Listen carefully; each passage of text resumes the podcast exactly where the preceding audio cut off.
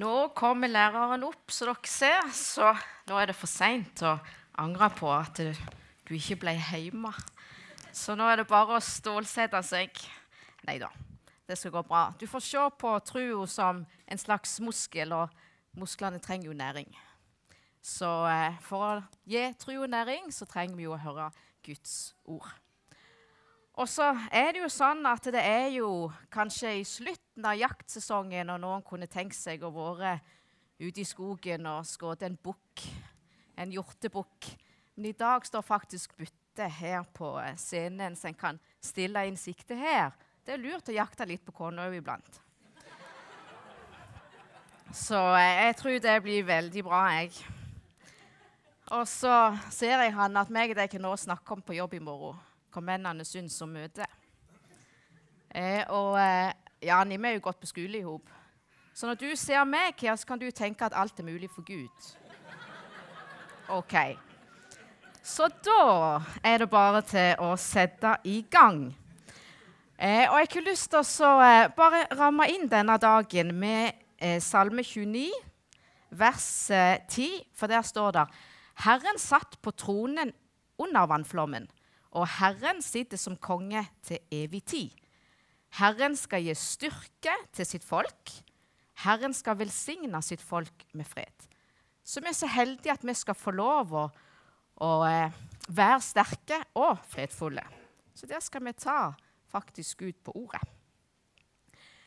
Alle taler trenger en overskrift.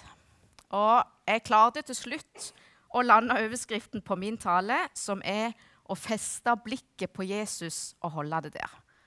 For jeg tror at det er en nøkkel til ei livslange tro, men òg til ei smittsomme tro. Og så er det en som heter Edin Løvaas. Han er ikke lenger iblant dere, men han ble omtalt som alles forkynner i Kristen-Norge. Og det er jo en hederlig omtale. Og han sier noe viktig om trua, og det er men der hvor det i det hele tatt er mulig, så må trua ha et språk. For det var en svensk sogneprest som fortalte om en mann som hadde fått ansettelse i en fabrikk. Og så bestemte denne mannen seg for at han skulle ikke si til noen at han var en kristen. Men en dag så kom en av arbeidskameratene bort til han og sa du, vi har prata om deg, og, være, og vi skjønner jo at det er noe spesielt med deg. Jeg tenker at denne mannen var kjempenysgjerrig på hva de lagt merke til just med at jeg er en kristen. Og så sier han da Og nå veit vi hva det er. Du er vegetarianer.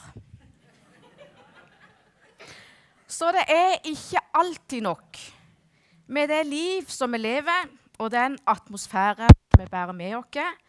Trua må ha et språk, sa den svenske sognepresten.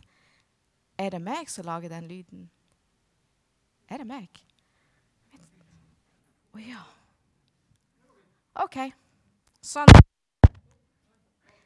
Skal jeg stå stille? Det er ikke enkelt.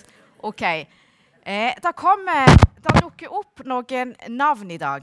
Jeg må stå veldig stille. Jeg får gjøre det, da. Eh, det er ikke så viktig at du ikke husker navnene, men kanskje litt av det som de sier. For det er òg en som heter Ole Hallesby. Er det forresten noen som har hørt om han? Ja.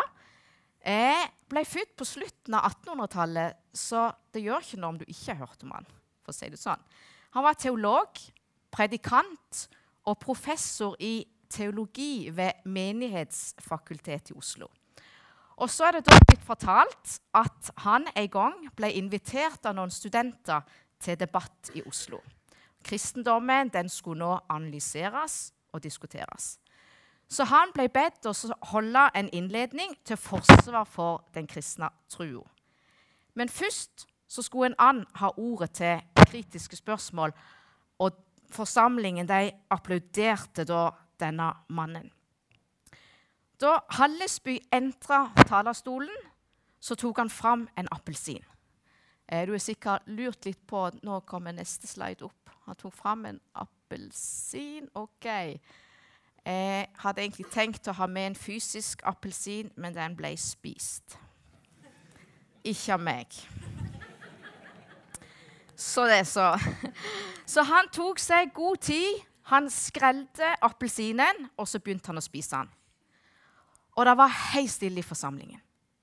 Og Etter en god stund så spurte han da førstnevnte debutant og resten av forsamlingen om de kunne fortelle han hva appelsinen smakte. Og det kunne de jo ikke uttale seg selvfølgelig noen ting om. Akkurat sånn er det med kristendommen, fortsatte Hallesby. Dere kan ikke uttale dere om den sannhet før dere har smakt og kjent hvordan den er.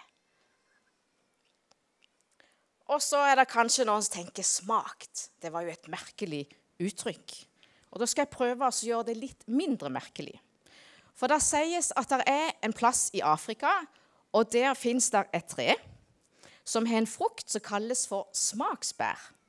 For det at den virker sånn på smaken at alt som spises eller drikkes, smaker godt og søtt og behagelig. Og sånn er det på en måte òg med kjærligheten. Den setter bedre smak på alt. Er du ikke enig? Ja. Og det står skrevet i Bibelen at ingen har større kjærlighet enn den som gir livet til vennene sine. Så den største kjærligheten er i Bibelen, som da viser oss at det er Gud. Og Derfor så kan jeg si at vi kan smake på Guds godhet i dag. Og dette er det evige liv, sier Jesus at de kjenner deg, den sanne Gud, og Han du utsendte, Jesus Kristus. Og Det er kanskje litt vanskelig å fylle meg med prestasjonen i dag, for jeg leser ordene, og så må en faktisk fylle med, da, hvis det skal komme noe, og trykke videre. OK. Hvis du er tyst, så går du til krana for å hente vann. Ikke sant?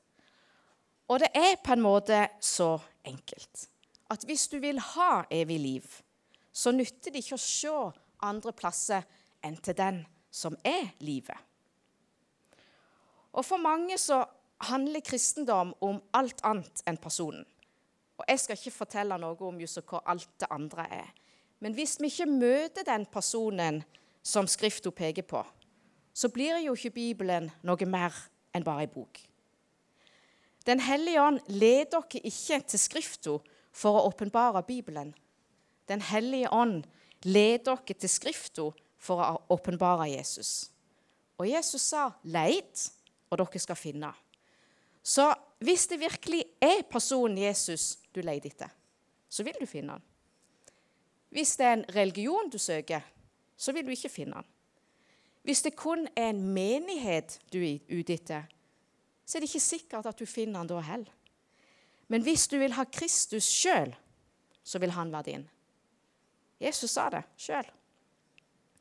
Og så var det en mann som skrev Det tok meg lang tid å lære å kjenne at det å kjenne Bibelen ikke er det samme som å kjenne Gud. At det å elske Bibelen ikke er det samme som å elske Gud. At det å lese Bibelen ikke er det samme som å høre fra Gud. Fariseerne de kjente Bibelen, de elska Bibelen, og de leste Bibelen. Men de verken kjente, elska eller hørte ifra Gud. Og vi har Jesu egne ord på det. Og Faderen sjøl, som har sendt meg, har vitnet om meg. Dere har aldri verken hørt hans røst eller sett hans skikkelse. Men dere har ikke Hans ord boende i dere. For den han sendte, ham tror dere ikke. Dere gransker Skriftene, for dere mener at dere har evig liv i dem. Nettopp de vitner om meg. Men dere vil ikke komme til meg så dere kan ha liv. Og Jesus han sa òg at han er veien, og at ingen kommer til Faderen utenfor han.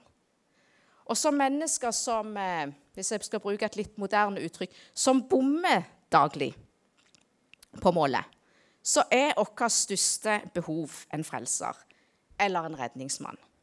For som Paulus skriver i Romerbrevet, syndens lønn er døden, men Guds nådegave er evig liv i Kristus, Jesus, vår Herre. Og Jesus gikk veien for oss gjennom lidelse, død, forsoning, oppstandelse og seier.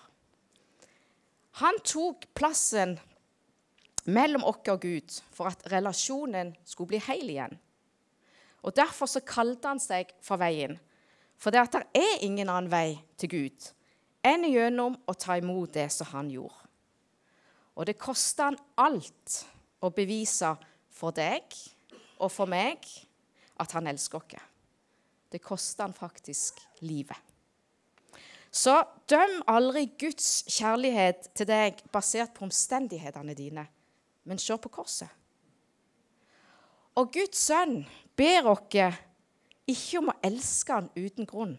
For det står faktisk i Skrifta med rette elsker de deg. Og kanskje holder du fortsatt Jesus litt på avstand. Så da skal vi få litt drahjelp av Johannes, som var disippelen som Jesus elska. Og han var òg trolig Jesus sin beste venn. For det som han sier til oss, stol på meg, for jeg kjente han. Jeg elsker han. Jeg så han gjøre mirakler, dø og komme tilbake til liv igjen. Jesus er Guds sønn. Han beviste det. Tro på det, så dere kan ha liv i hans navn. Nei, det er for komplisert, tenker du. Eller kanskje for enkelt. Og så er det så slitsomt å tro. Men hva handler tro egentlig om? Forfatteren av Hebreabrevet skriver at tro handler om å se på Jesus. Feste blikket vårt på han og holde det der. Og så stole på at det Jesus gjorde i sitt liv, i sin død og sin oppstandelse har avgjørende betydning for livet vårt. Og denne tilliten til Jesus den mottar vi som en gave når vi ser inn i ansiktet hans og finner Gud i det. Og så er det jo sånn at den vi ser på, blir vi lik. Å bli mer lik Jesus handler om å ha et hjerte som, der vi ønsker å gjøre det som Gud djupest sett har kalt dere til. Men for å forstå det kallet og den nye identiteten som vi får i Jesus, så må vi kjenne han. Feste blikket på Jesus. Mange er vare og på vakt for andre sine blikk. Og det er kanskje ikke så løye. For det finnes så mange forskjellige blikk. Noen er gode, andre er vonde. Noen er livgivende, og noen er faktisk totalt ødeleggende. Og vi har alle møtt og møter noen av disse blikkene. Og vi gjør de sjøl òg. Og det fikk meg til å tenke på den samaritanske kvinnen som Jesus møter ved brønnen. Jeg har ikke tid til å ta den historien, men hun gjorde alt hun kunne for å unngå å bli sett. Slippe å møte andre sine blikk, spørsmål og vurderinger. Og hun hadde garantert massevis av vonde erfaringer i møte med andre sine nedlatende blikk og stygge kommentarer. Men denne dagen så møter hun et blikk som er annerledes. Ingen av oss kan møte blikket til Gud med livet som vi har levd, men Jesus kan. Han kan møte både Guds blikk og vårt. Og Da skal jeg lese noen ord av eh, Henry Nowen, som var en katolsk prest. Og Han sier sånn her Forestill deg at du ikke har noe behov for å kritisere andre. Forestill deg at du ikke har noe lyst til å vurdere om noen er en god eller dårlig person. Forestill deg at du er fullstendig fri ifra følelsen av at du må bedømme en annens moralske oppførsel. Forestill deg at du kan si 'Jeg dømmer ingen'. Vil ikke det ha vært en sann indre frihet? Men vi kan bare slippe tak i den tunge byrden av å dømme andre når vi løfter opp den lette byrden av å bli dømt. Kan vi frigjøre oss fra behovet for å dømme andre? Ja, med å gripe sannheten om at vi er Guds elskede døtre og sønner. Så lenge vi fortsetter å leve som om vi er det vi gjør, det vi har, og det andre syns om oss, så vil vi fortsatt være fulle av kritikk, vurderinger, evalueringer og fordømmelser. Vi vil fortsatt være avhengige av å sette mennesker og ting på sin rette plass. I den grad vi omfavner sannheten, at vår identitet ikke er rotfesta i vår suksess, kraft eller popularitet, så kan vi slippe tak i vårt behov for å dømme. For det står 'døm ikke', for at dere ikke skal bli dømt. Hva er det jeg vil for noe? Jo, de fleste av oss har hørt at det står i Bibelen om de to kjærlighetsbudene, som er så viktige at de dekker og opphever hele loven. Å elske Gud og sin neste som seg sjøl. Men studerer vi de, så ser vi at det i grunnen er tre bud her. Ettersom at det er langt ifra selvsagt at jeg elsker meg sjøl. I ordene 'som meg sjøl' så ligger det jo en forutsetning om å nettopp elske meg sjøl. Og Da er det en som heter Tor Wennerberg, som er en svensk psykolog.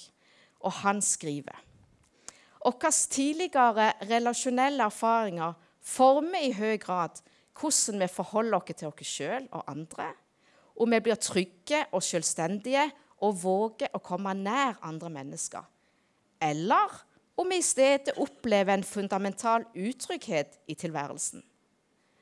For å kunne oppfatte oss sjøl som virkelige og levende, så må først en and ha oppfattet oss på den måten. Mennesket blir til og blir virkelig for og i seg sjøl i den andres blikk. Og da er det en som heter Leif Gunnar Engerdal, som er professor i religionspsykologi slash sjelesorg, som sier at når psykologien sier at mennesket blir virkelig for seg sjøl gjennom den andres blikk, så vil teologien anerkjenner og stadfester dette. Gud har gitt dere til hverandre og former og skaper livet gjennom vårt samliv med andre. Men samtidig så vil teologien melde inn en annen og dypere dimensjon. Og det skjer når den sier det fins et annet blikk som ser deg. Det fins et annet blikk som gir deg verdighet og virkelighet. Og kvinnen ved brønnen opplevde dette blikket, barmhjertighetens blikk. Og det er et blikk som forteller oss at vi er verdifulle akkurat sånn som vi er. Og at vi er elska og respektert. Hvis vi skal klare oss å leve i disse to store kjærlighetsbudene, så må vi først vite og erfare hva den første og største sannhet er. Og det er det noen som har sagt det sånn her. Det er at Gud elsker oss av hele sitt hjerte, av all makt, sinn og styrke. Når du innser hvor mye han elsker deg, så vil du elske han tilbake. For de to tingene henger alltid sammen. Og når vi erkjenner at vi trenger Jesus, det Jesus kan gi, og sier ja til å tro på han og følge etter han, så får vi del i hans kjærlighet. Gud gir oss evnen til å elske som han gjør, gjennom kraften av Den hellige ånd. Og Johannes skriver vi elsker for at han elsker oss først. Og Det forteller oss at kristen tro og tankegang aldri begynner med oss, men med Gud. Han fant oss, vi fant ikke han. Og det du trodde du hadde starta, var egentlig et svar på hans invitasjon. Det står i Jesaja.: Kom, alle dere som tuster, kom til vannene. Vann gir jo liv. Så et veldig godt bilde på hva Gud vil med oss. Et møte med Jesu kjærlighet forandrer oss. Det er ingen quick fix. Det er en prosess. Men det forandrer hva jeg føler overfor meg sjøl når jeg gjør feil. Det forandrer mitt syn på Gud og hans bud. mitt syn på andre og på min evne til å utgjøre en forskjell. Når vi vet på dypet at vi er dyrebare i Guds øyne, så blir vi òg i stand til å erkjenne at andre er dyrebare for Gud og har en spesiell plass i hjertet hans. Jesus ser oss, og han kjenner oss bedre enn vi kjenner oss sjøl. Her kunne jeg kommet med veldig mange bibelvers, men jeg hadde ikke tid til det. Men han ser mitt liv, og han ser ditt liv. Og er det ikke gode nyheter å høre og òg vite at noen kjenner en fullt ut, og samtidig elsker fullt ut på samme tid? Jeg kan faktisk få lov til å, å drite meg ut, hvis jeg kan si det sånn, ganske så kraftig med Gud. Det er ikke alle mennesker som tåler det.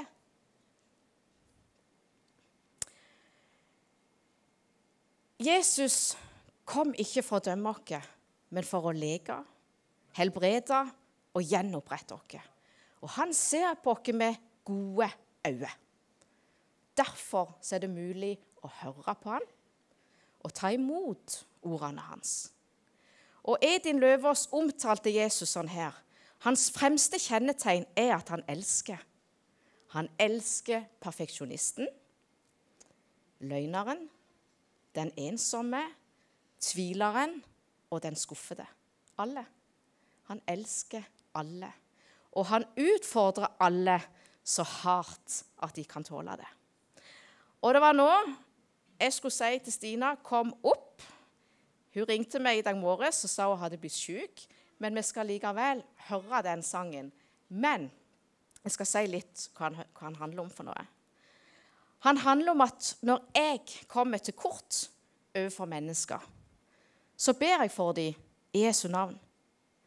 For med Han så kommer trøst, helbredelse og legedom.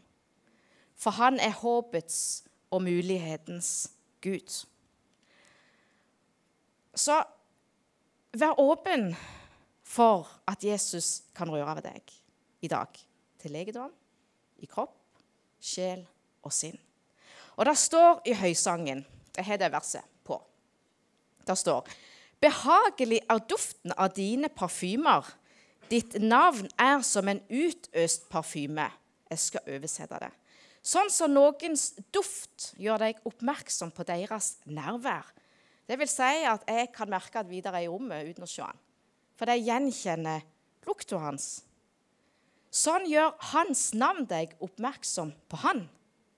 Så når du sier Jesus, så er han der. Og så har jeg lyst til å si til deg som føler at du ikke alltid duger, at det er noe feil med deg du er ikke en feil for Gud. Den eneste gangen du feiler, er når du nekter å stå opp og fortsette. Og når jeg gikk gjennom akkurat de ordene i går, så så jeg tilfeldigvis ut av vinduet. Og der fikk jeg øye på ei stor ørn som svevde så vakkert på himmelen. Det var ganske nærme. Og så kom ordene. Men de som venter på Herren, får ny kraft. Du skal få ny kraft. For de løfter vingene som ørner. De løper og blir ikke utmattet. De går og blir ikke trette. Kanskje var det til noen her. Og så har jeg lyst til å si til deg som tenker at jeg har funnet han, jeg kjenner han, så er det faktisk alltid noe mer. For det er nemlig noe helt bunnløst i Gud og i Guds kjærlighet. Har jeg en oppfordring? Ja. Kom til Jesus og til Jesus alene. Vær så god, Thomas. I speak the name of Jesus over you. In your hurting, in your sorrow, I will ask my God to move. I speak the name cause it's all that I can do. In desperation, I'll seek heaven and pray this for you. I pray for your healing, that circumstances would change. I pray that the fear inside would flee in Jesus'